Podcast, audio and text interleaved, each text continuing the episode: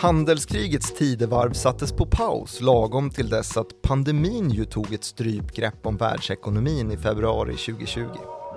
Men sedan den Nothing Burger-lika lösningen till handelsavtal mellan världsekonomins stormakter USA och Kina kom på plats har Vita huset fått en ny boende. Utan Donald Trump vid rodret trodde många på en mjukare linje mot Kina, en uppluckring visavi EU och ännu hårdare tag mot Ryssland. Men när geopolitikens kvarnhjul väl rullades igång av Biden-administrationen satte globaliseringshungriga kinesiska diplomater i vrångstrupen. Vad är det som väntar nu?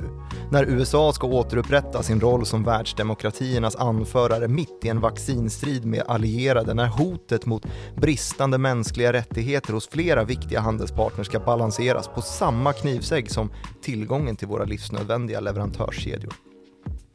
Det här är Follow the Money, en podcast om makt, storfinans och börsen av utrikesredaktör Joakim Rönning och mig, Martin Nilsson. Och jag ställer väl frågan till dig Joakim Rönning. Ehm, Kina har tagit ett strypgrepp som ju förmedlades genom utrikesminister Wang till utrikesminister Tony Blinken. Vad, vad var det som hände och vad startade den här händelsekedjan? Uh, händelsekedjan startade väl egentligen i Xinjiang någon gång för ett par år sedan, mm -hmm. kanske? Uh, kanske säger du? Den startar ju den har ju liksom, jag vet inte när, när saker startade egentligen. Startade väl eh, med Mao Zedong 1947 i någon bemärkelse. Mm -hmm. eh, och kalla kriget, hela eh, ut, utspelandet av hela kalla kriget och dess efterdyningar. Sen så har vi hamnat här. Men eh, det som eh, har fått USA att reagera mot Kina i här, den här bemärkelsen mänskliga rättigheter är ju då inspärrandet av miljontals uigurer i den nordvästra kinesiska provinsen Xinjiang då, där det bor ett asiatiskt urfolk. Just det, det här är någonting som Kina vill hålla i tysta medan resten av världen mm. tycker att det verkar lite skumt det där. Ja, det kan man ju säga. Nej, det är ju oerhört. Eh, vi har en ganska så betydande uigurisk eh, befolkning i Sverige faktiskt. Ehm, och det är ju en jagad befolkning, lite, eh, ska man säga, en av Kinas allra mest lidande befolkningar, om man så säger. Det finns ju även andra eh, liknande situationer för tibetaner och, och, och andra i Kina. Mm. Eh, det är ju då han-kineser från östkusten som, som anser sig vara de riktiga kineserna som, eh, som då just nu håller på att lägga under sig Xinjiang då som är en eh, provins där det bor muslimer. Eh, ett turkfolk som då kallas för uigurer. Mm. Och men om, om vi ska ta det lite mer, eh, vad ska man säga, realtidsmässigt då så kan vi väl egentligen börja med Joe Biden, för det är ju då, eh, har ju blivit en, en eh, vågbrytare nu som man har väntat på eh, att vågorna ska träffa. Och det gjorde de här då i förra veckan när det första mötet mellan USA och en internationell motpart ägde rum då i form av Kina. Mm. Och då ska man veta att strax innan det här så har det hållits den så kallade Quad-dialogen ehm, som då är ehm, ett möte mellan USA och fyra stycken länder i Asien och Stilla havsregionen, de fyra största mm. ekonomierna där. Alltså, vad blir det? Japan, Sydkorea, Indien och Australien.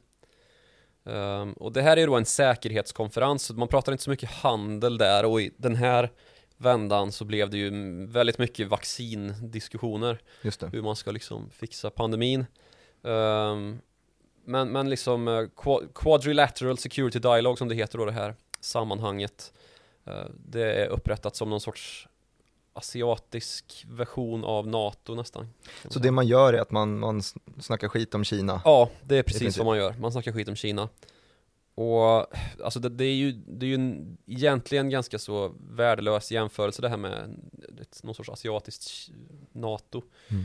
Um, men samtidigt så, så tjänar det väl som exempel på ett av alla de här uh, bångstyriga det finns ju akronym som BRICS till exempel. Mm. Uh, som då är, vad är det? Brasilien, Ryssland, Indien, Eh, Kina och Sydafrika va? Mm. Alltså en landssammansättning då där någon investmentbank i någon rapport har kommit på att de här länderna har ju mycket med varandra att göra och så har man liksom skapat en uh, ja, en akronym en ganska... just för att förstå världen lite bättre. ganska tydlig akronymfetisch bland Ja, det det. folk som vill klumpa ihop länder. Definitivt. Att man ska göra saker så enkla att de blir obegripliga till slut nästan. Pigs. Ja. Pigs ja, det är också en sån. Ehm, men det, det är då sätts ju Joe Biden plötsligt i ett sammanhang där han ska försöka ja, förbinda de här såren som de här relationerna med länderna som, ja, länder som Sydkorea och Japan har fått då efter att Trump har Han krävde bland annat att Sydkorea skulle fyrfaldiga sina betalningar till USA för det beskydd som amerikansk militär ger Sydkorea Mm. eh, med de posteringar de har där.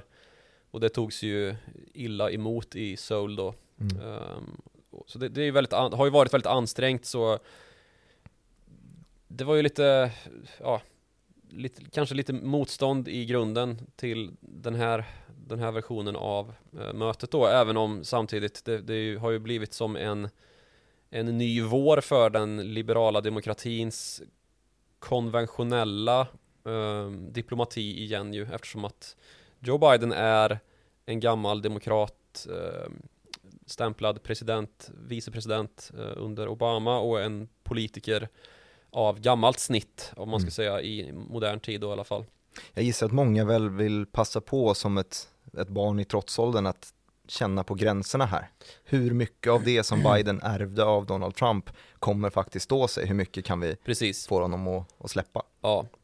Ehm, och USA har ju uttalat klart och tydligt att vi vill återta, alltså USA under Biden-administrationen, det var ju det han gick till val på, att USA ska återupprätta sin, sin eh, position då som den fria världens ledare eh, och inte bli en agitator som man lite grann var under Trump då med den här att, att allting var någonting man kunde omförhandla i princip och det var ju det som Sydkorea fick känna på då med de här kraven på att man skulle mångfaldiga sin, sina militära eh, utgifter till USA och så vidare. Eh, men den här alliansen då, Quad är ju prekär på många andra sätt. Eh, bland annat så har flera länder i den här regionen som ju har blivit ganska så viktiga på grund av de konflikter som finns där, framförallt Sydkinesiska havet då, den extremt viktiga handelsvägen som, som löper in i eh, sydöstra Kina Mm. där ju hela världens tillväxtmecka har hamnat. Eh, och där har vi ju länder som Indonesien och Vietnam och Filippinerna till exempel som har avsagt sig från att vara med i den här, uh, det här Asien-NATO-liknande upplägget då. Och, och det finns ju andra liksom variabler i USAs eh, självpåtagna roll då som, som eh, västmakternas och de liberala demokratiernas eh, liksom fyrbåk som är lite kantstötta efter vad man har ägnat sig åt i Mellanöstern både tidigare med att den fäbless man har för att välta demok- eh, diktaturer eh, diktatorer snarare eh, Saddam Hussein allra senast och det här långa eviga kriget i Afghanistan som man har hamnat i. Men sen också då att man har väldigt etablerade kontakter med icke-demokratiska länder som, som eh, Saudiarabien å andra sidan. Så att det finns liksom en, en eh, bipolaritet nästan i hur eh, USAs utrikespolitik fungerar. Mm. och Biden har ju själv vägrat sätta några sanktioner på eh, Mohammed bin Salman, alltså den administrativa ledaren i, i Saudiarabien då för den här det här avskyvärda mordet på Jamal Khashoggi, den eh, dissidenten och journalisten som eh, var anställd vid Washington Post och som mördades inne på konsulatet i, eh, i Istanbul, det har vi ju pratat om tidigare. Mm. Eh, och sen så finns det ju också, alltså, man, det är ju tveksamt att man kan kalla Indien för en särskilt liksom demokratisk eh, ja, ett särskilt demokratiskt land. Det är ju inte demokratiskt på samma sätt som, som Sverige till exempel. Eh, efter att eh, Narendra Modi, då, den nuvarande premiärministern, har befäst greppet med sina hindu-nationalister och det har blivit liksom en eh, lite semi-autokratisk eh, Du, kan vi ta en, en, bara en kort liten punkt på varför den här geografiska punkten just som du nämner med Sydkinesiska havet, varför är den så jäkla viktig? Varför är det så mycket fokus på den just nu? Ja, dels då för att, eh, eller i grund och botten så är det ju för att Kina har anspråk på hela Sydkinesiska havet trots att den här eh, liksom, gränslinjen rimligtvis borde vara mycket mer eh, åt ett ägarskap för de länder som har direkt beröring till Sydkinesiska havet, särskilt i södra delen. Och då pratar vi alltså om Vietnam som har hela den, eh, eh alltså Indokinas östra del, mm. den kusten mot, mot, eh, mot havet. Och sen också då Filippinerna som ligger som en jättestor ö i, mitt i Sydkinesiska havet egentligen. Och sen också då Indonesien som har mycket kust däremot. Men eh, Kina har då gjort anspråk på hela Sydkinesiska havet och gett Vietnam enligt deras egen karta då, alltså kine den kinesiskt upprättade kartan eh, har Vietnam fått några, några någon, liksom, någon sjömil av kust eh, mm. från kusten då som är deras resten tillhör Kina och sen så har det ju upprustats eh, hej vilt i den här eh, på de öar som finns där. Och det är många av dem är ju bestridda. Vem som är liksom eh, vem som har herraväldet över vad. Och där finns det ju en massa länder som, som strider om vem som egentligen har, har eh, att betrakta det som sitt, sitt eget nationella territorium. Och där kommer ju Japan in i bilden också.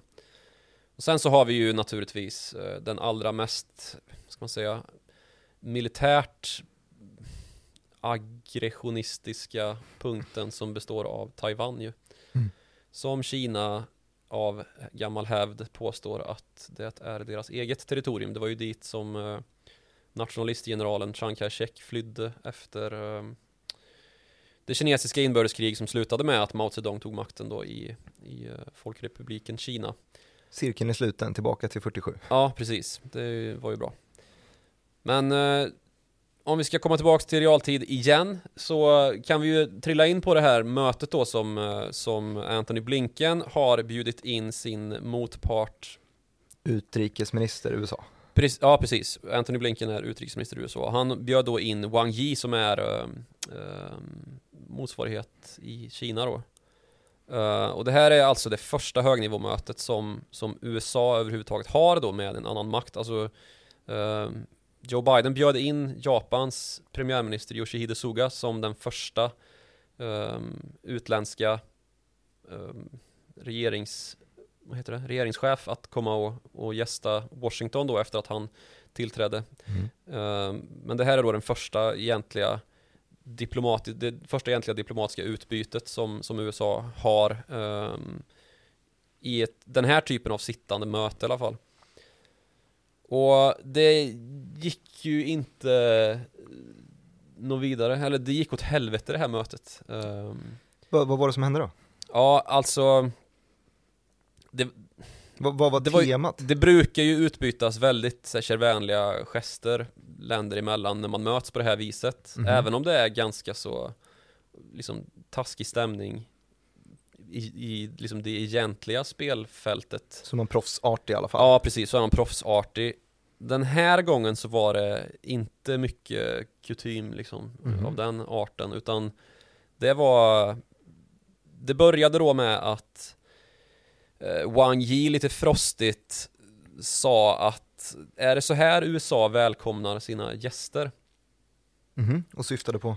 Eh, att USA då har eh, infört sanktioner mot några politruker i, i Kina, eh, särskilt då i Xinjiang, för de här lägren som har upprättats då. Okej, och det här gör de då nästan i samband med att mötet ska hållas? Ja, precis. Och Anthony Blinken i hans liksom välkomsttal så så um, kritiserar han Kina då för en lång rad olika uh, ja, ska man säga aggressioner som de verkar genom bland annat Taiwan då som sagt Xinjiang också på tal och även då eh, cyberattackerna som utförs i stor skala både nu och då. Oartigt att inleda med det. Ja, lite så. Och även då de interventionistiska åtgärder som man har vidtagit i Hongkong eh, där det ju inte längre finns eh, demokrati. Mm. Och då, då kommer väl eh,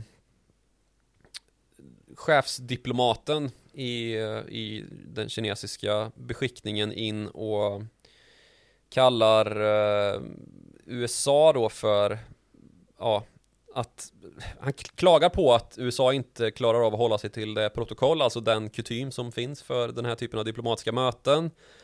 Och klagar själv då på USAs, ja, som sagt, krigföring i Mellanöstern, att man inte har ett, eh, liksom ett, man har inte rätten att tilltala Kina från den moraliska höga häst man har satt sig på. Eh, och bland annat då så för han på tal USAs slakt på sin egen svarta befolkning när han ska kontra Xinjiang då. Och det här ordet slakt på sin egen svarta befolkning, alltså ordet slakt översätts inte och det kanske var tur.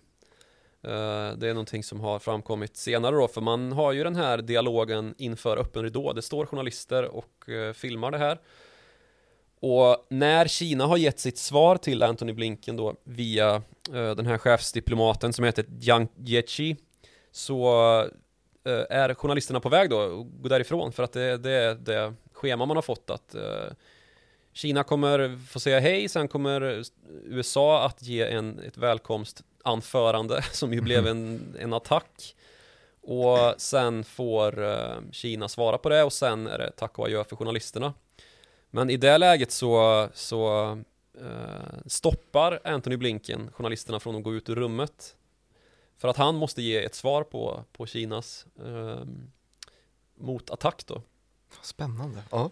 Uh, och då ger han väl egentligen ordet till, först så säger han att det där är inte vad jag hör att, att, att USA inte skulle ha, uh, ha fått rätten av, av de allierade länderna som man har kring sig då, alltså EU och Storbritannien är det ju i, först och främst då man pratar om och även då de här länderna i Quad. Mm. Alltså Indien, Japan, Sydkorea och Australien att man inte skulle ha fått rätten från, från dem att föra talan liksom för vad, vad världssamfundet, eh, eller den här delen av världssamfundet tycker. Det är precis motsatsen till vad det Kina hävdat då, att man inte har den rätten, utan att det är någonting som verkligen har framgått sen Biden blev president, att, ja, att det känns uppfriskande igen att, att USA är tillbaka på scenen och att liksom just satt sig på den här hästen som, som Kina anser vara hög då. Mm. Uh, och Sen ger han ordet till Jake Sullivan som är nationell säkerhetsrådgivare i USA. Mm. Och han har ju också en lång utläggning då om, eh, som går i linje med vad Anthony Blinken säger och sen så avslutar han med att säga att USA är inget perfekt land, vi har en också en, liksom, en fläckig historia. Mm. Men till skillnad från er, eh, Kina alltså, så har vi både liksom eh, råg i ryggen och ska man säga, självbeaktning nog att se tillbaka på vår historia och förbättra oss. Det är liksom USAs hemliga vapen med och mot sig själv, att vi, att vi klarar av det. Det gör inte ni. Så eh, mycket för den mjuka eh, linjen mot Kina från Biden-administrationen alltså. Ja, precis. Um, så det blir ju verkligen um, smekmånad som tog slut innan den ens började. Det här med att det fanns vissa som då trodde på att den här liksom globaliseringslinjen som har varit gällande och rådande eh, ända fram till Donald Trump egentligen att den skulle få en ny start det, det dör ju i sin, den idén dör ju i sin linda där när, när det meningsutbytet är färdig eh, färdigskriket för det var väldigt hätskt där inne i rummet. Men är det inte så varje gång det är en ny administration då, att det är kanter som ska skavas mot varandra? Det känns som att det ofta, liksom, i cykler nästan efter presidentval, nu har vi bara haft eh, en, en mandatperiod ju med, eh, med Trump, men varje gång som det byts ja. så hettas alltid internationella relationer upp. Eller är det fel bild jag har? Ja, det beror lite på vem det är man byter med.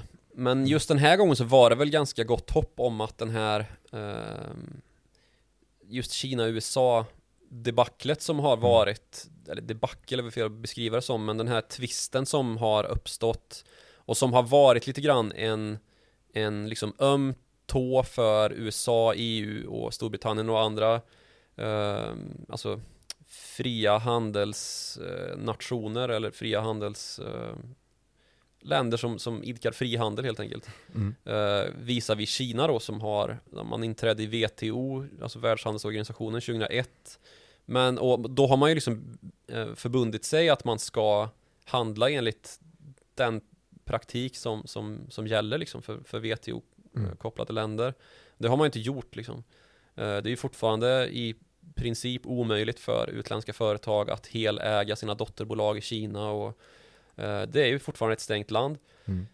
Och samtidigt så har man ägnat sig åt den här det här industrispionaget som, som har blivit, eh, som, blev liksom en, ett, ett rött skynke för Donald Trump och som han till slut eh, bestämde sig för att det här ska vi ta itu med nu. Mm.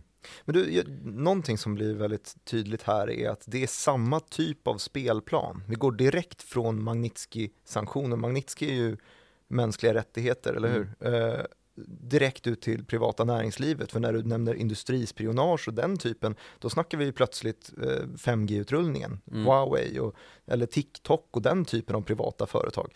Eh, Det är som att spelplanen är densamma. Vad, vad är problematiken där? Eh, Finns det någon linje? Ja, men det är väl liksom att en del, en del beslut kan man inte dra tillbaka hur som helst. Eh, och lite grann liksom att Pandoras ask öppnades av Donald Trump. Mm. Eh, alltså att det inte gick att stoppa tillbaks, man kan också beskriva det som att det inte går att stoppa tillbaks anden i, i lampan liksom. Eh, och att, att då när Donald Trump bestämde sig för att nu ska vi ta itu med Kina, vi ska säga, vi ska tala klarspråk och säga vad vi tycker och inte vara rädda för de konsekvenser det får då i form av att det kanske blir eh, svårare att handla med Kina och så har alla amerikanska teknik och verkstadsbolag eh, liksom livsavgörande handelsförbindelser med just Kina. Mm. Eh, Så de har en oerhörd makt i fråga om att stoppa det amerikanska näringslivet.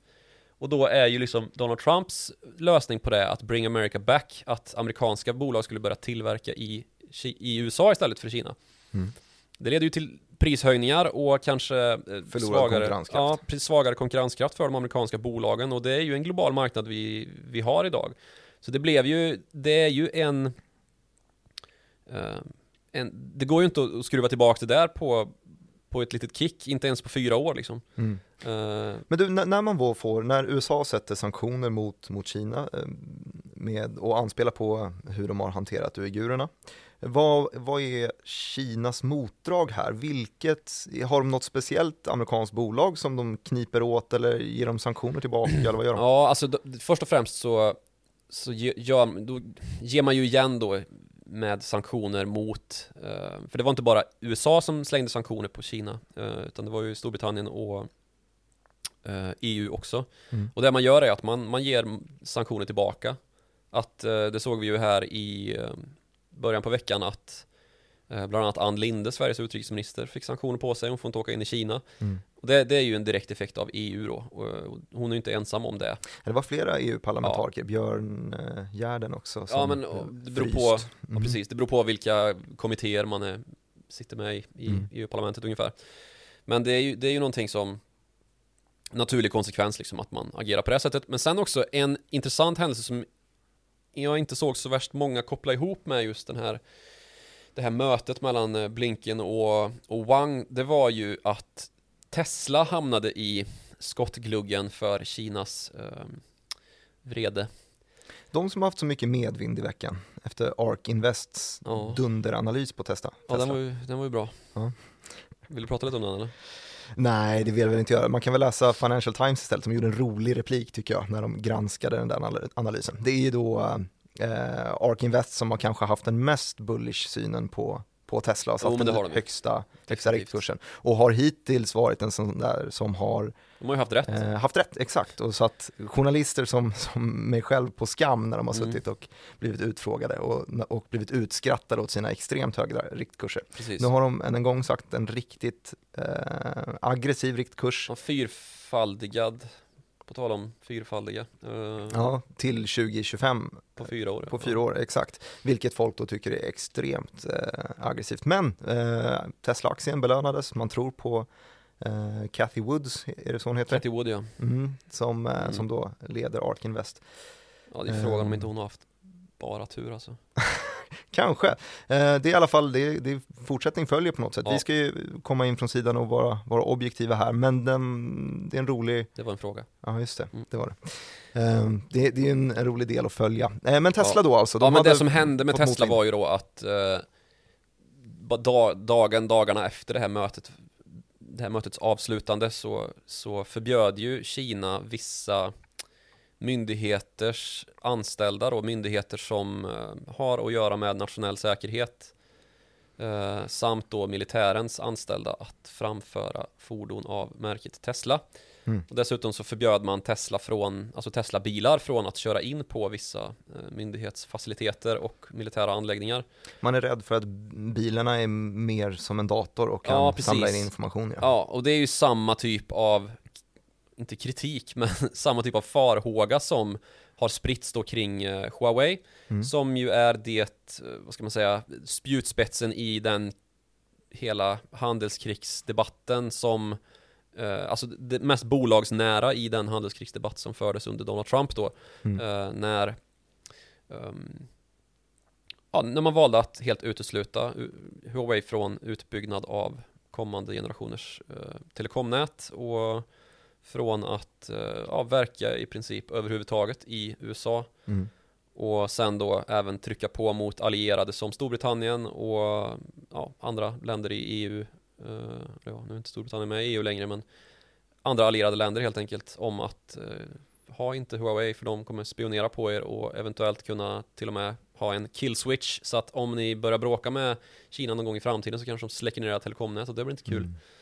Uh, ja, så det är, det är väldigt uh, djupa anklagelser då om att uh, det här bolaget används som en, liksom, ett verktyg för den digitala maktambitionen som finns i Peking om att ta liksom, världsherravälde över en, över cybervärlden. Och um, det, det, det är ju mycket det här datasäkerhet och sånt och det, det lirar ju lite grann på den här anklagelsen som riktades nu mot Tesla då som ju helt har avfärdats från från vd Elon Musk för att eh, vara då uppblåst och överdrivet precis som det är uppblåst och överdrivet Mm. kring, han tog inte upp Huawei i det här sammanhanget men han hävdade att TikTok var ett motsvarande fenomen då där där det blir nästan larvigt då att eh, vad är det USA är rädda för med TikTok liksom att någon ska läcka liksom att data ska läcka som har någonting med nationell säkerhet att göra när det bara är liksom Glada dansvideos. dansvideos liksom Mm.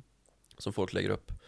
Och han hävdade då att den här farhågan att Teslas bilar samlar in data och till och med kan filma eh, det är liksom faller på sin egen orimlighet att det skulle kunna nyttjas av amerikansk säkerhetstjänst eller s- Men du, det finns En spionorgan. liten eh, krydda i det här också tycker jag, eller jag kommer att tänka på det nu i alla fall. Och det är ju då att från amerikanskt, eh, amerikansk synvinkel så har de ingenting själva att vinna på att, att bannlysa Huawei. Att de har inget eget amerikanskt bolag som eh, på lika villkor konkurrerar hårt med Huawei. Men Tesla har ju väldigt starka kinesiska konkurrenter Mm. med Eh, det är ju de elbilstillverkarna som verkar ligga långt fram i alla fall med Nio till exempel. Absolut, så är det. Så det finns ju en annan del i det hela också där, eh, där det finns, kanske finns ett kinesiskt eget intresse med eh, elbilstillverkningen att kunna stänga ute Mm. Tesla från den marknaden. Absolut. Det är ju de här, det är väl de tre största konkurrenterna som bara ägnar sig åt elbilar. Nu har ju Volkswagen har ju blivit lite av en följetong här med hur högt den kursen ska gå på spekulation om att elbilssatsningen ska, ska rädda det här bolaget, jäklar eller rädda bolaget, att det, fart, ska, alltså. att det ska liksom bli en ny vår för den tyska fordonsindustrin som ju har varit ganska på dekis och inte minst då på grund av den här dieselskandalen i Volkswagen så har det ju varit rätt kärvt Mm. ehm, med aktiekursutvecklingen. Men den är ju upp med, ja, den var ju upp med tvåsiffrigt flera dagar Mm. förra veckan. Och, Han har gasat ifrån alla konkurrenter. ja, gäller- verkligen. Och det är ju de här rapporterna då om att eh, ja, flera av de konventionella fordonstillverkarna har ju börjat närma sig och till och med komma ikapp och förbi Tesla då i fråga om eh, tillverkningstal och, eller försäljningstal. Ja, det är ju verkligen en, en svår grej ju, som Ja. eh, just tillverkningen, att man, efterfrågan kan finnas där, men det är svårt att få igång fabriker och rulla på högvarv under en pandemi och det är svårt att få tillgång till typ halvledare om man behöver sånt i tillverkning av någon Ja, helt omöjligt nu Så- mer till och Mm. med eftersom att inte ens, ja, nu får inte ens Volvo till det. Nej, exakt, de, eh, de varslade om det där i, i morse och Ja. föll 7% direkt. Ja, precis. Det är tufft. Ja, men det, det är ju då märkbart att just eh, Nio, Byd och Xpeng och de här är de egentliga enda utmanarna som bara ägnar sig åt, eh, åt elbilar och har liksom kopierat Teslas verksamhetsmodell lite grann. Mm. Eh, och att man attackerar just Tesla då, som dessutom precis har öppnat portarna till den här nya fabriken utanför Shanghai där man tillverkar um, ja, där det finns Kina-tillverkning av Tesla-bilar då. Det är Mm. den första utländska Tesla-fabriken överhuvudtaget. Och det är ju någonting som ofta lyfts fram också av analytiker som är Cathy Woodia, att eh, alltså positiva Tesla-analytiker som eh, hävdar att det finns en uppdämd efterfrågan då i Kina som bara väntar på att släppas lös och att eh, Tesla ska kunna kapitalisera det här då med hjälp av Shanghai-fabriken. Sen så har man ju haft lite andra problem i Kina just med eh, kvalitetsproblematik som eh, marknadsmyndigheten där har slagit ner på att de gör för dåliga bilar helt enkelt eller inte tillräckligt liksom, kvalitetssäkra. Ehm, så det är inte första problemet man har där i Kina. Nej, det är ju verkligen som upplagt för att Tesla ska bli en spelbricka i handelskriget i alla Ja, fall. lite så. Så Men du, jag skulle vilja gå till, eh, till, åt ett annat håll. Eh, Om vi tar nordväst från Kina och ibland bara väst, om vi går till Ryssland istället så brukar det vara en stor spelare ehm, i handelskonflikten. Vad, hur har det gått mellan Biden och Putin här? Har de eh, blivit tjenis? Nej, inget vidare. Aha. Ehm, som sagt, det här Kina-mötet nu i, det hölls ju i Alaska, det var ju det första liksom sitta ner-mötet med en med en eh, kontrahent i, i handelssammanhang. Um, nu blev det ju en massa annat också då med Taiwan och um, Xinjiang och cyberkriminalitet och sånt som man beskyllde, och Hongkong då, som man beskyllde Kina för. Men Ryssland, där har det ju varit betydligt bittrare, betydligt längre. Och Mm. även om Donald Trump hade en högst märklig relation till Ryssland och alla minns ju det här mötet med Vladimir Putin i Helsingfors 2017 när han stod och eh, Mm. Trodde höll att han var i Ryssland. Ja, först trodde han att han var i Ryssland, ja. Han trodde att Helsingfors låg i Ryssland enligt rapporter. Mm. Men också då att han höll ju eh, Rysslands totalitära president Vladimir Putin om ryggen snarare än att lita på sina egna underrättelsemyndigheter och deras uppgifter då om eh, det stora valhack som Ryssland genomförde i form av då Clintons e-mail. Det är ju en, eh, ja, Fortfarande lite av ett frågetecken det där. ja. Ja, precis. Eller frågetecken. Det är ju alla myndigheter har ju konstaterat att det var rysk hackning som låg bakom att mejlen eh, hackades och- läcktes. Men eh, Putin sa njet. Det ja, precis. Putin sa njet och då sa eh, Trump att men vadå, han säger ju nej. Varför skulle jag lita på FBI mer än Det. Nostrovia. Ja, ska på sluta med ryskan. Ja. Ja, du är duktig. Tack. Tolkskolan. Mm. Eh, men ja, han hade ju en, en, en, nästan så att många då har, eller nästan så att många har liksom antagit att det måste finnas en hållhake från ryskt håll på Donald Trump då eftersom att han var så tuff mot Kina men samtidigt tillät Ryssland att begå sina bandit fast, ja, ha sådana Mm. sina eh, ja, banditbeteenden intakta så Men det här märktes ju i, i, innan i alla fall, som du sa, att man förväntade sig att, att Biden skulle vara mjuk mot Kina, Kina Ja. mjukare, mot mot Kina, Kina, ja. Mm. exakt, och hårdare mot Ryssland. Ja, precis. Eh, För det, det är ju samtidigt så här då att USA har ju inte varit mjukt mot Ryssland under Trumps mandatperiod trots att eh, Trump har haft ett märkligt förhållande till Ryssland och gärna tagit Putin i hand liksom. Mm. Ehm, och fått många att misstänka att här finns en hållhake. Mm. Och det finns ju beskrivningar om vad den hållhaken består av. Eh, det är ju inte klarlagt vad det var men det kan man ju googla om man är sugen på att veta vad det var. Mm. Ehm, men det trodde man väl kanske skulle bli en fortsättning på det som har skett under Trumps tid också då, för han har ju haft kongressen och senaten emot sig då, där man har kallat för Putin för eh, bedragare och eh, tjuv. Mm. Och han har ju fått, de, eller han, eh, Ryssland har ju fått enormt mycket sanktioner på sig eh, under lång tid, så även under eh, Donald Trumps tid vid Mm. makten. Och nu så har det ju förnyats då, nya sanktioner i form av sådana här Magnitsky-sanktioner då. Vad är det man lägger sanktioner på?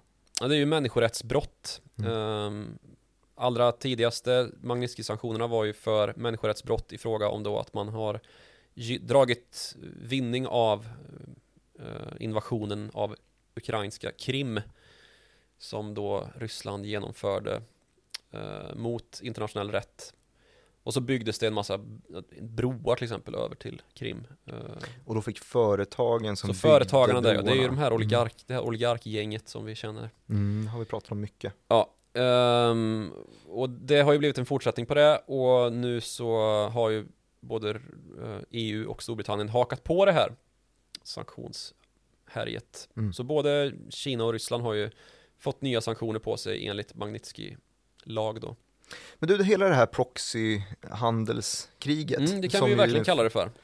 Det förs ju väldigt mycket genom sådana här sanktioner, just att man, man lägger sanktioner på, på företagen då som, som Ja, eller bygger nyckelpersoner är det ju eller- egentligen. Eh, Nyckelpersoner i företagen eller i myndighetssfären då. Och sanktionerna betyder då helt enkelt att personen och företaget svartlistas så att ingen annan vill göra affärer med dem Precis. och då konkar de till slut. Ja, i princip. tanken. Och sen så har vi också då att för vissa av de här personerna, det är ju juridiska personer i form av människor. Eh, deras tillgångar fryses i de här, alltså i EU, i Storbritannien och i USA. Mm. Och deras, ja de tillåts inte komma in i Schengenområdet i form av EU då.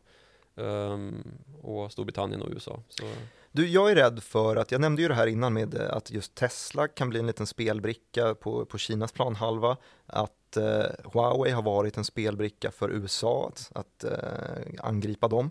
mm. Jag är rädd att Xi Jinping ställer sig på, på Börje Ekholms huvud och eh, Biden ställer sig på eh, Börje Ekholms ben ungefär och så ställer de sig på Ericsson då alltså och slåss över det. Eh, tror att det finns någon, eh, någon sanning i det och resonemanget är just det här då att Ericsson har, har ofta seglat upp som en kandidat för att eh, USA ska kunna säkra sin 5G eh, leverantör helt enkelt. En, något form av företag som är starka på den sektorn och det finns inte så jäkla många. Och då har Ericsson seglat upp, Nokia har också varit där uppe, up for grabs Mm. eh, och så är det ju Huawei. Mm. Och för att då USA ska kunna spela mot Huawei eh, och kunna ta någon del av den marknaden utan att behöva köpa direkt av Ja, Huawei. Precis, inte hamna efter i utrullningen är det så är det ett eh, stort amerikanskt statligt ägande i Ericsson. Och vid samma sekund som de gör det så betyder det att Sverige inte är neutrala längre. Och sen så på samma sätt så har vi ju sett att Post telestyrelsen som du ofta tycker om att dra upp och jag också tycker om att dra upp har ju också varit aggressiva i sin kommunikation. Mm. Är det så att Sveriges neutralitet är över nu och eh, mår Börje Ekholm bra? Ja, det var en enkel fråga. Eh, nej men, och det vi pratar om nu kanske vi ska förtydliga är ju att Post och telestyrelsen, alltså PTS kallas det ju, eh, förvägrade Huawei att försörja de teleoperatörer som tog hem auktionerna i eh, 5G-bandet Mm. och därmed inte får Ja, därmed kommer vi inte ha hjälp av Huaweis 5G-utrustning när vi ska ut på det snabba, eh, 100 gånger snabbare 5G-nätet vad det lider. Ehm, och det var ju någonting som kanske många höjde på ögonbrynen för. Mm. Att Sverige var så, så pigga och raska och, ska man säga, lite nymodiga, bröt lite mark i den här frågan eftersom att eh, vi har just Ericsson och då tänker man, okej, det är för att vi ska bara utrusta med Ericsson som är vårt eget bolag så att de får högre vinst. Mm. Det är det ju inte. Eh, det blir ju konstigt för Ericsson det här bara och det, det är ju det som Börje Ekholm har gett uttryck för att okej, vi förbjuder Huawei i Sverige och då blir det kanske någon sorts spridningseffekt att vi ger makt åt det här, den här retoriken som förs kring Huawei som de själva hävdar är bluff och båg och stor politiskt maktspel. Vilka hävdar det sa du? Huawei. Mm. Ehm, och så får vi det tillbaka i ansiktet när vi ska ut på den kinesiska marknaden som är typ ja, 100 gånger större än Sverige. Just det, det är inte riktigt jämfördelat. Nej, det blir ju en rätt negativ effekt om Kina bestämmer sig för att eh, säga app, app, app om Ericsson. Kom inte här och tro att ni ska få bygga någonting när inte Huawei får bygga i Sverige. Mm. Ehm, för det är ju, Sverige är ju utöver de närmast eh, berörda allie- allierade till USA, alltså Australien, Storbritannien, Au- Nya Zeeland. eh, det enda landet som har slagit så här hårt mot Huawei eh, och helt blockerat. Vi har blivit så jäkla edgy på senaste. Ja, det är Dels väldigt covid-strategier som edgy. är ba- nybanande och sen så den här tydliga kommunikationen från Post telestyrelsen. Mm, Kaxigt är det. mm, sådana är vi. Mm. Um, så, så, där har ju Börje Ekholm legat på Det är DI som har gjort en jävla toppen granskning av Börje Ekholm, eller rättare sagt Våra regeringsföreträdares sms-korgar Och där finns det mycket Börje Ekholm-märkt att hitta Vad, vad skriver har... han då till, till regeringen? Nej men han ligger väl på liksom om att vi bör ompröva de här besluten och mm. att det inte är så smart liksom. Um... Det är kul också att det liksom sker sån här företagsledarkommunikation ja. över sms. Det är kul. Nätverkande kanske man kan kalla det. Ja, de har ja. väl suttit och minglat någonstans. Vad man mm. kanske tidigare hade kallat för något helt annat uh, förr i tiden. Mm. Men um, det här är ju väldigt signifikativt för hur näringslivets eh, syften skiljer sig från politiska ideologer, om det nu finns några sådana, men politiker i alla fall, i, som, som styr vår, eh, våra regeringskosor. Mm. Att eh, de här högtflygande idéerna om mänskliga rättigheter, det blir mest krångligt för eh, det är lite som jag, jag, såg på intervjun med Zlatan igår. Mm -hmm. Och han fick någon, Zlatan Ibrahimovic har ju precis eh, sagt ja till landslaget igen för er fotbollsointresserade. Mm. Men jag tror det är få som har missat det här. Eh, men då fick han frågan om den klassiska idrottsfrågan när det ska hållas ett, ett idrottsevenemang i ett totalitärt land. Hur känns det? Nej men hur ställer du dig till den eh, politiska situationen i Qatar där det då ska hållas VM 2024 är det mm. väl? Nej vänta nu 2022 är det ju Ja, ja. Uh, och Zlatan och Jan Andersson, förbundskaptenen, uh, vid sin sida säger inte vet jag. inte jag vet jag är fotbollsspelare, ah. typ. Och det är lite samma förhållningssätt från näringslivet då, att det blir direkt svårt att prata om hur man agerar i länder som, som beter sig. Um, Börje Ekholm målar inte naglarna i regnbågsfärger när han besöker Kina för att förhandla 5G-nätverk. Det gör han inte och sen så är det ju liksom inte heller så att man på liksom Wall Street i övrigt, om man ska använda det som något sorts tvärsnitt för vad den fria världens bolagschefer tycker. Eh, att man där har någonting annat för ögonen att det ska vara maximal globalisering och just att man kan pressa sina marginaler genom att flytta utomlands och nyttja sig av låglönearbetskraft då för att mm. just få bättre marginaler och en, en liksom effektivare organisation och verksamhet. Och det är ju allt det här hotas ju av att man ska hålla på och krångla med några uigurer i Xinjiang. Det mm. kan väl måste, måste man blanda in handel i det här? Och det har det ju visat sig att ja, det måste man ju. Och det är ju där det kanske är tur att vi har politiker som kan eh, sätta ner foten. Och det är ju inte bara Huawei och eventuellt Ericsson och Tesla och alla de här andra vi har nämnt som har Ja, nu är det väl oklart om Ericsson verkligen har drabbats men direkt eller indirekt drabbats det är ju massa kinesiska bolag som har mer eller mindre tvingats att förse de här eh, säkerhetsinfrastrukturverken som finns i Xinjiang då där man digitalt övervakar medborgare så att de inte ber till Allah typ mm. Eh, för många gånger per dag eller pratar med fel person för mycket och eventuellt konspirerar om terrordåd för det är ju vad Kina hänvisar till då att man ska slå ner på extremism. Mm. Um, det är ju en massa bolag som måste stöta till med uh, sina produkter då i form av ansiktsigenkännande algoritmer och säkerhetssystem och kameror och den typen av uh, produkter. Och sådana verksamheter har ju naturligtvis fått sanktioner på sig och hamnat på svarta listan. Precis som Huawei då som, mm. som man också har kunnat härleda till um, ja, visst, visst samröre med den säkerhetsapparat som har byggts i Xinjiang.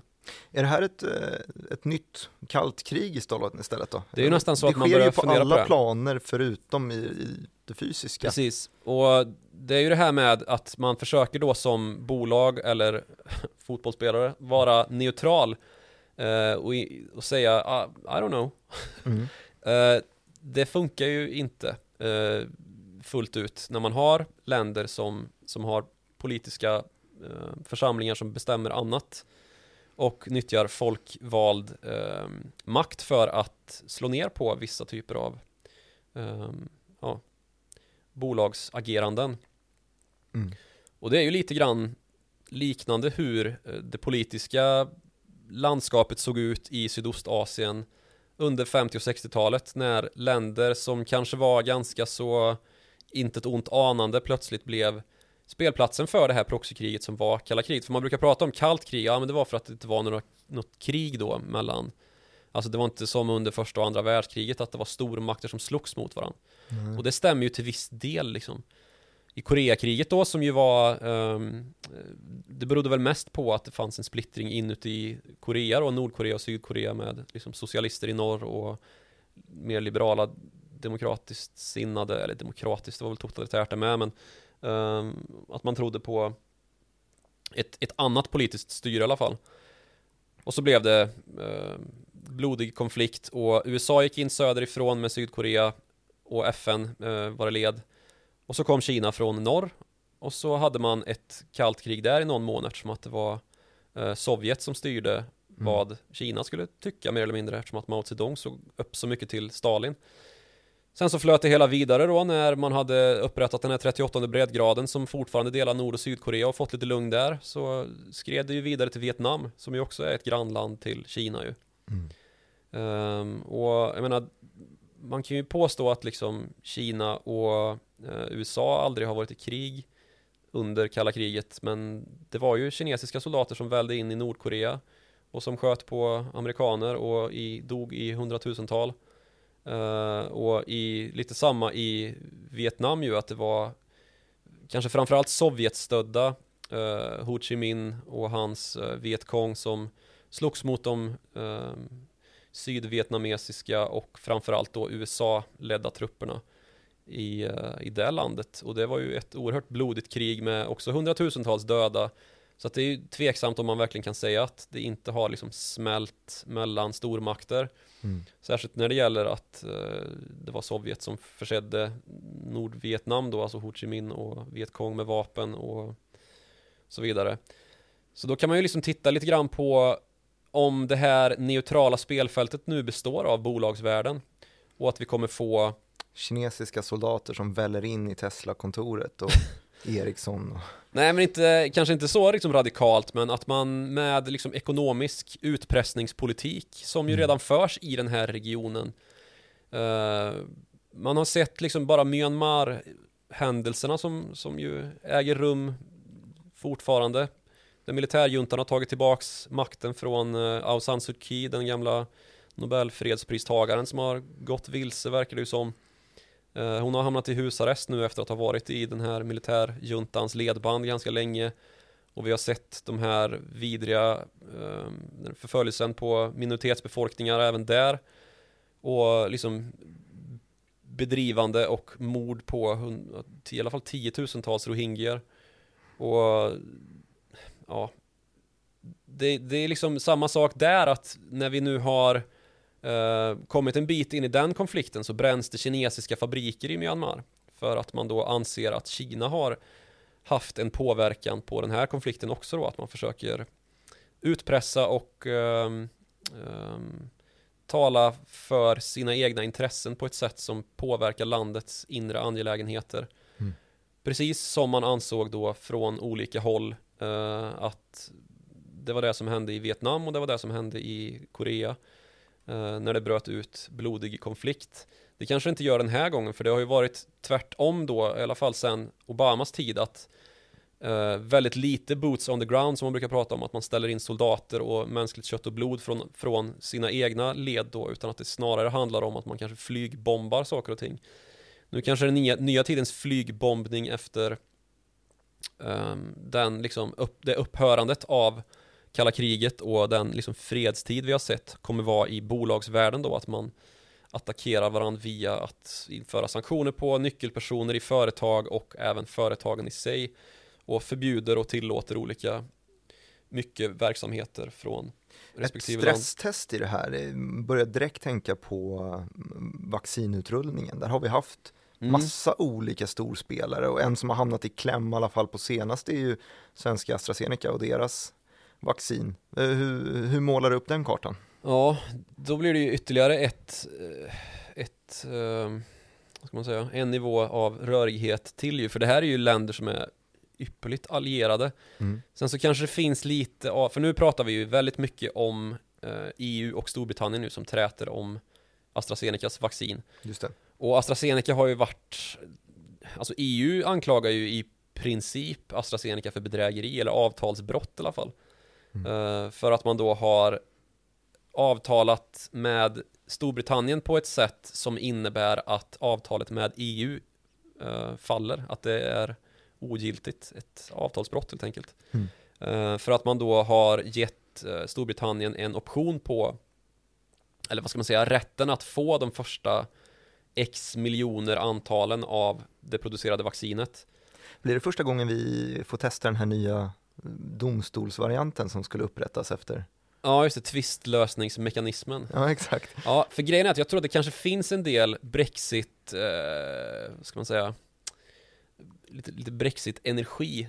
Att man vill liksom fortsätta bråka om Brexit, man säga. Att man vill hämnas på Brexit. Det- Det första som dök upp eh, på Twitter just efter det här var ju, eller ja, ganska tidigt när man såg vaccinutrullningen, antal doser per land Mm. och såg att eh, Storbritannien ledde så, så mycket eh, över EU, över varenda land i EU var ju Mm.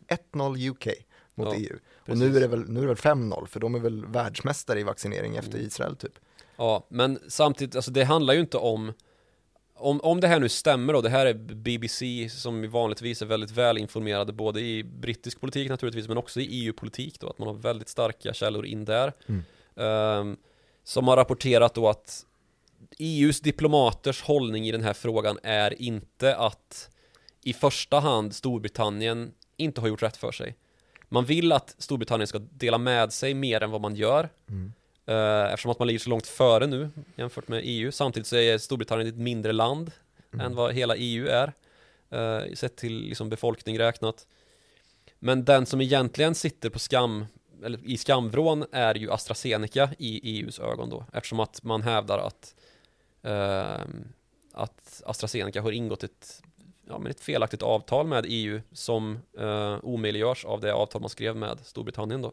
Märkligt att de kommer i kläm för att det är ju det företaget som har varit allra öppnast i början i alla fall med att säga att vi ska inte tjäna en krona på vårt vaccin. Ja, precis. Och det är ju någonting som vi har sett i alla fall spegla aktiekursen i AstraZeneca. Att oavsett om det har gått bra för vaccinet eller dåligt för Mm. vaccinet med AstraZeneca så har inte aktiekursen speglat det riktigt. Och det är ju just det att eh, de säljer till självkostnadspris i tanken. Ja, precis. Det är, jag tror att det ligger någonstans två, vad fan var det, två till, nej, tre till sex euro per dos eller någonting. Och Om de man andra ligger på det med- 20 nästan. Ja, men Pfizer ligger väl på 80 typ. Eller Moderna kanske det är som ligger högst på 80 och sen så kanske Pfizer ligger någonstans. Ja, nu gissar vi lite för mycket här. Mm. Men, ehm, alltså, jag vet inte om Ursula von der Leyen, alltså ehm, EUs kommission, EU-kommissionens ordförande, om hon var oinformerad eller någonting när hon startade den här liksom riktigt hetska tonen eh, mot Storbritannien då. Vad, vad sa hon för någonting? Nej men hon till och med antydde ju att det här kan,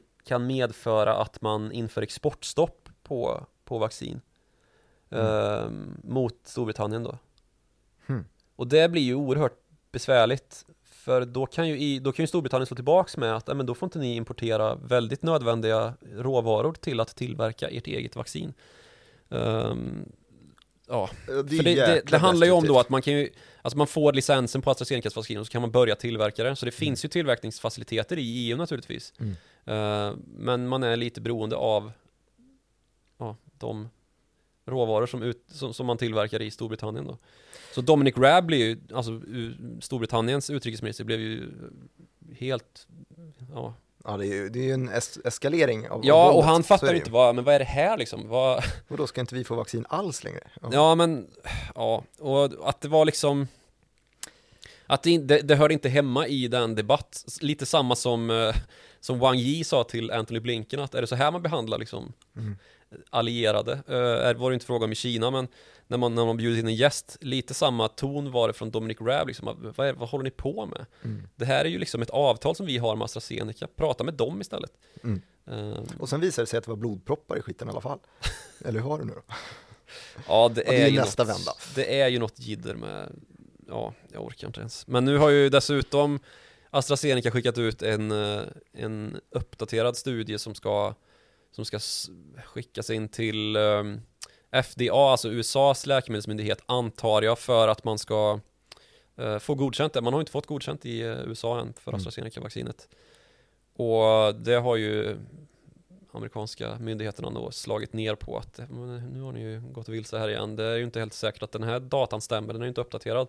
Mm. Uh, men nu har man uppdaterat här på tisdagen så vi får väl se vart det landar med det där. Men ja, som Fan, sagt. mycket det... sämre Astra är än alla konkurrenter. Ja, det verkar ju inte riktigt som att man har samma det vore ju orimligt om man inte, om man inte hade samma fokus som, som Pfizer och Moderna men Man tjänar inga pengar på det heller Nej, det, mindre motivation det blir ju lätt att bli konspiratorisk i alla fall Nu ska man väl mm. tro bättre om ett ett svenskt läkemedelsbolag, mm. till dels i alla fall. Det är ju svensk-brittiskt. Mm. Och det här vaccinet är ju utvecklat med Oxford dessutom, vilket kanske kan medföra viss liksom, politisk hävstång för britterna då när de, mm. när de håller på och tjafsar.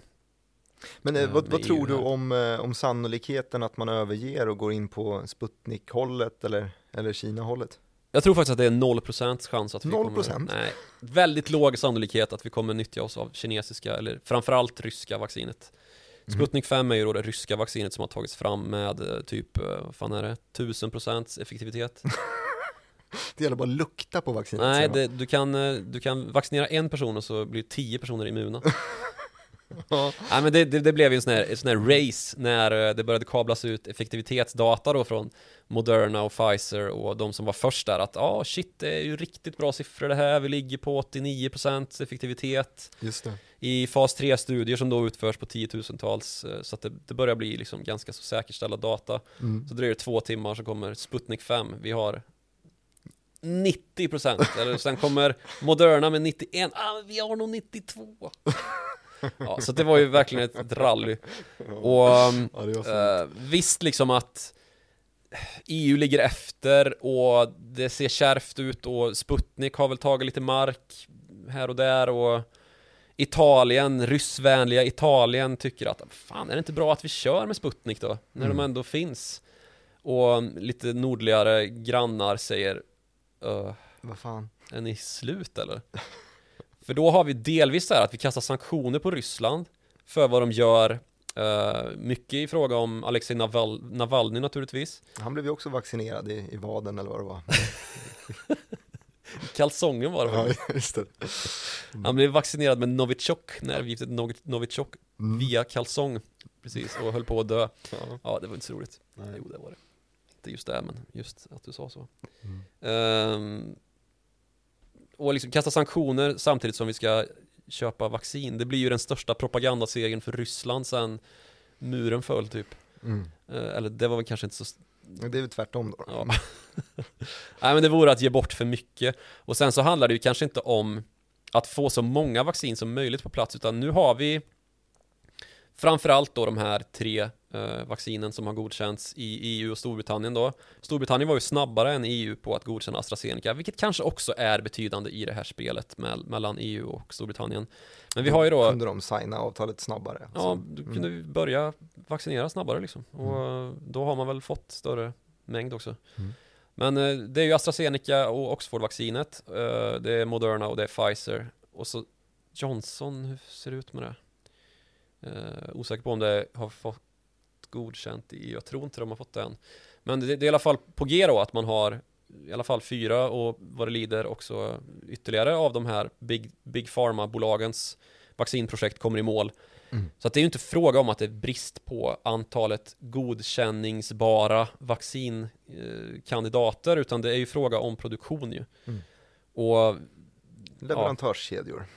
Ja, och jag menar det tillverkas ju vaccin i EU för EU-medborgarna. Mm. Um, och det gäller ju även de här amerikanska då, för Moderna och Pfizer är ju amerikanska. I och för sig Biontech är ju med på, på Pfizer-sidan där och det är ju ett, det är Tysk, ett tyskt bolag. Ja. Men uh, man tillverkar ju även andra länders vacciner, menar jag, i EU då och mm. Storbritannien. Um, så att det är inte nödvändigtvis så att bara för att vi får in Sputnik här så kommer det komma en halv miljard Sputnik-doser som vi kan få in i armen på några dagar senare liksom, utan det är ju fråga om produktion. Mm. Och jag menar, man kan ju producera eh, Pfizer, Moderna och AstraZeneca likväl som Sputnik 5 då. Så det finns inte en sån desperation? Att Nej, det gör nog inte det. Och det har ju eh, EU-kommissionärer varit ganska så tydliga med att glöm det där. Och det jag nästan börjat fundera på, är det där en propaganda, liksom ett propagandaförsök? Att man försöker Likt föra in det i... Facebook 2016 inför amerikanska Ja, valet. precis. Att man Mm. försöker föra in i diskursen då att ja, Sputnik 5, Sputnik 5, vad tror ni? Sputnik 5? Da. Du, eh, apropå det. ehm, avslutningsvis har vi snackat väldigt mycket nu om ehm, öst mot väst. Men två olika öst. Vi har ju verkligen, vi har ju Ryssland och Kina och så har vi eh, USA Mm. och, och EU. Eh, hur ser relationerna ut mellan eh, Xi och, och Putin? Bättre än på mycket länge kan jag informera dig om. Jaså, Ja, det finns något nytt där, vad kul. ja det gör det. Eh, om vi ska gå tillbaks till eh, det stora geopolitiska spelet så tänker man ju ofta att fan, Kina och Ryssland, de är ju så bra polare. Mm. Och det har de ju alltid varit, i alla fall sedan Mao Zedong. Aha. Det stämmer, det är inte så. Nej. Många har missat liksom att bara för att det är två stycken i grunden socialistiska regimer som har suttit i Moskva och Peking så har de inte alltid dragit jämnt liksom. Va? Det finns jättemycket exempel på, bland annat så sa jag då att Sovjet var de som utrustade Vietkong i, eh, i Nordvietnam Mm. i, i Vietnamkriget då som förgjorde USAs militär eh, så att de gick på knäna och till slut gav sig iväg med ja, Svans mellan ben. svans mellan ben och flagga på halvstång. Mm. Ehm, då gjorde Kina sig väldigt skyldiga till eh, att liksom inleda den här traditionen av att uh, stjäla, stjäla ritningar. För Kina ligger ju ganska väl till pass där. När man ska få ner vapen från Sovjet till Vietnam så måste man nästan gå via Kina ju. Mm. Så då passar man ju på att ta in i hamnar och vid gränser i övrigt och reverse engineera Sovjetvapen och Kalashnikov. Var det den man tog? Öppnade upp. Ja, kanske. Men eh, jag tänker kanske mer på stridsvagnar och den typen av, eh, ja, sådär. Just det. Ehm, så det var ganska mycket ont blod där mellan Kina och Sovjet faktiskt. Ehm, det var ju till och med så att det utspelade sig ett krig om lite gränsområden mellan Kina och Sovjet som är ett väldigt bortglömt krig ju. Ehm, så att det är inte alls så att, att det där är två stycken regimer som alltid har dragit jämnt. Nu ska man ju också säga då att Ryssland är ju inte kommunistiskt så som Sovjet var. Ehm, men det har absolut inte varit så att att Kina och Ryssland alltid har, eh, alltså Ryssland om man pratar efter, eh, efter murfall, eh, alltså när kalla kriget tog slut, så, så har det absolut liksom förts liknande diskussioner kring gränsområden och lite som vi har haft problem nu mellan Indien och Kina ju där det har utbrutit en del skärmytsling, eller ja skärmytsling, det var ju öppen strid till och med med flera döda indier för, eh, ja, under 2020. Mm. Ehm, riktigt så illa har det kanske inte sett ut, men det är absolut inte så att det finns en, en öppen diplomati och att man har liksom ehm, ja, är helt och hållet på, på vänskaplig fot med varann. Men nu har det vänt. Ja, den här senaste sanktionshopen som riktades mot både Kina och US, eh, Ryssland då den togs ju som någon sorts intäkt på vart, vart eh, Biden-administrationen är på väg. Och det här sanktionspaketet skickades ju också då från Storbritannien och eh, EU så det har ju hänt en hel del där i fråga om att liksom utstaka framtidens eh, diplomati, i alla fall de kommande fyra åren nu då eh, under Biden, när han ska vara den fria världens ledare. Och dels så har ehm, Ryssland i princip avslutat relationen till EU. The enemy of my enemy is my friend. Är det så Ja. deras relation är? Kina-Ryssland. Ja, kanske. Ehm, det skickades då ett ganska tydligt budskap från Lavrov, alltså Rysslands utrikesminister här på, på tisdags förmiddagen. När han eh, klart och tydligt sa att eh, relationen med EU är inte dålig, för vi har ingen relation med EU. De behöver liksom skärpa sig innan vi kan ha det igen. Mm. Så kan vi gå tillbaka till vad vi kanske hade en gång. Men för närvarande så, så är det djupfryst. Hmm. Och um, Eh, som jag sa, Dominic Raab då, som är Storbritanniens utrikesminister, kommenterade på måndagen i denna vecka att det har då förts en del spekulation om att Storbritannien ska kunna ha ett kanske inte frihandelsavtal med Kina, men något liknande i alla fall. Mm. Det strök han ett streck över den, eh, den förhoppningen, eller det påståendet på måndagen här och sa att det finns inga som helst möjligheter till att vi ska kunna upprätta ett sånt samarbete med Kina. Mm. Och det är ju då dels den eh, uppretning som har skett i form av eh, Hongkong men också då Xinjiang. Det var ju, det har ju, jag vet inte om BBC var först men det var väl de som var först ut med den här enorma siffran då via läckta dokument och insiders. Eh, väldigt liksom eh, gedigen reporterkunskap som, som möjliggjorde att man kunde få fram siffror på hur många som, som faktiskt har internerats i de här uigurlägren i, i Xinjiang. Mm. Och som sagt dessutom då Hongkong som ju är ett gammalt eh, brittiskt protektorat eller till och med eh, brittiskt territorium. Mm. Och att man då har slagit ner på demokratin där mot ett avtal som man har haft. Det, eller i hela fallet att man tolkar det här avtalet på ett helt annat sätt än vad, än vad Storbritannien gör. Än vad Thatcher tänkte när hon skrev det. Ja, precis. Um, Thatcher, jag tror det var Blair, Tony Blair som skrev det. Fan, jag gissade ju. ja, vad bra att du rättade Ja, men man hävdar då liksom att Kina hävdar liksom att man vill ha Det sa man på det här mötet mellan Blinken och, och Wang att uh, Vi vill ha Fred och demokrati och utveckling, det är vad Kina står för. Men som sagt, liksom avtalsläsningen är lite olika för USA, Storbritannien och EU hävdar ju liksom att hur är diktatur i Hongkong fred och hur är en miljon inspärrade uigurer i, i koncentrationsläger i Xinjiang utveckling och hur är de här unilaterala anspråken på, på Taiwan och Sydkinesiska havet uh, utveckling, mm. uh, eller fred snarare. Så att upptrappade, eskalerande relationer och mm. klart frostigt. Jo, och jag kom knappt fram till slutledet på den här utläggningen om Men du pratade ju jättelänge. Ja, ah, okej, okay. kör då. Mm, sån är jag. Uh, han avslutade då den här utläggningen om uh, vilka skithögar EU är och uh, USA behövs, behöver han ju inte ens nämna liksom. Mm. men även Storbritannien och där är det ju surt sedan länge med man har ju varit i Storbritannien och förgiftat ex-agenter och dylikt. Skripal, eh, eh, Sergej Skripal och hans dotter som ju också fick Novichok på sig. Just det. Eh, för några år sedan här. Så att den, den relationen är ju ganska sur. Sur, på gränsen till död. Eh, men eh, då sa Lavrov till slut att jag vill bara påpeka att vår relation med Kina är bättre än någonsin tidigare i princip. Och det är bara det är rosor och solsken ungefär. Mm. Vi siktar på att förbättra relationen ytterligare. Så man har ju verkligen, på tal om smekmånad, gått in i någon sorts uh, ja, nystartsfas med den, uh, ja, inte ärkefiende kanske, men det finns en uh, ganska så utbredd Kina-skepsis i Moskva som nu verkar då ha rätats ut lite grann. Ja, lite grann blivit någon, ja, formats till någonting annat då. Man ser Kina som en stark spelare som man kanske vill ta rygg på snarare än att sitta i Moskva och antingen hysa um, någon sorts underlägeskomplex uh, istället liksom mm. kroka arm.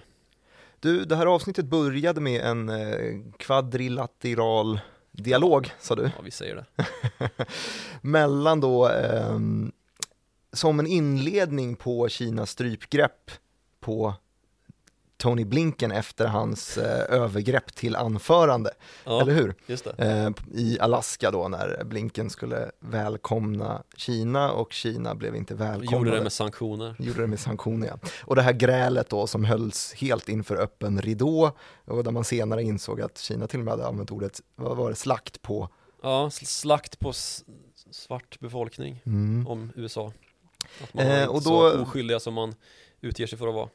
Och därigenom så gick vi vägen till, vad var det för sanktioner egentligen? Och snackade lite grann om Magnitsky eh, och sen hur det här kriget då har blivit ett proxykrig som utfightas då på, i näringslivet. Ska vi kanske förklara, ett proxykrig är ju då ett krig där stormakter äh, agerar på annan ort med hjälp av andra, andras makt, eller vad man ska säga, andras militärmakt. Alltså till exempel Syrien är ett utmärkt exempel på ett sånt scenario där då stormakter från olika håll, alltså USA på ena sidan och Ryssland på den andra. Mm. Lite grann. Eh, är väl ett bra exempel. Mm. Du, du är väldigt pratsugen idag. Jag gillar det verkligen. Precis, äter choklad. Ja, det har jag faktiskt också gjort.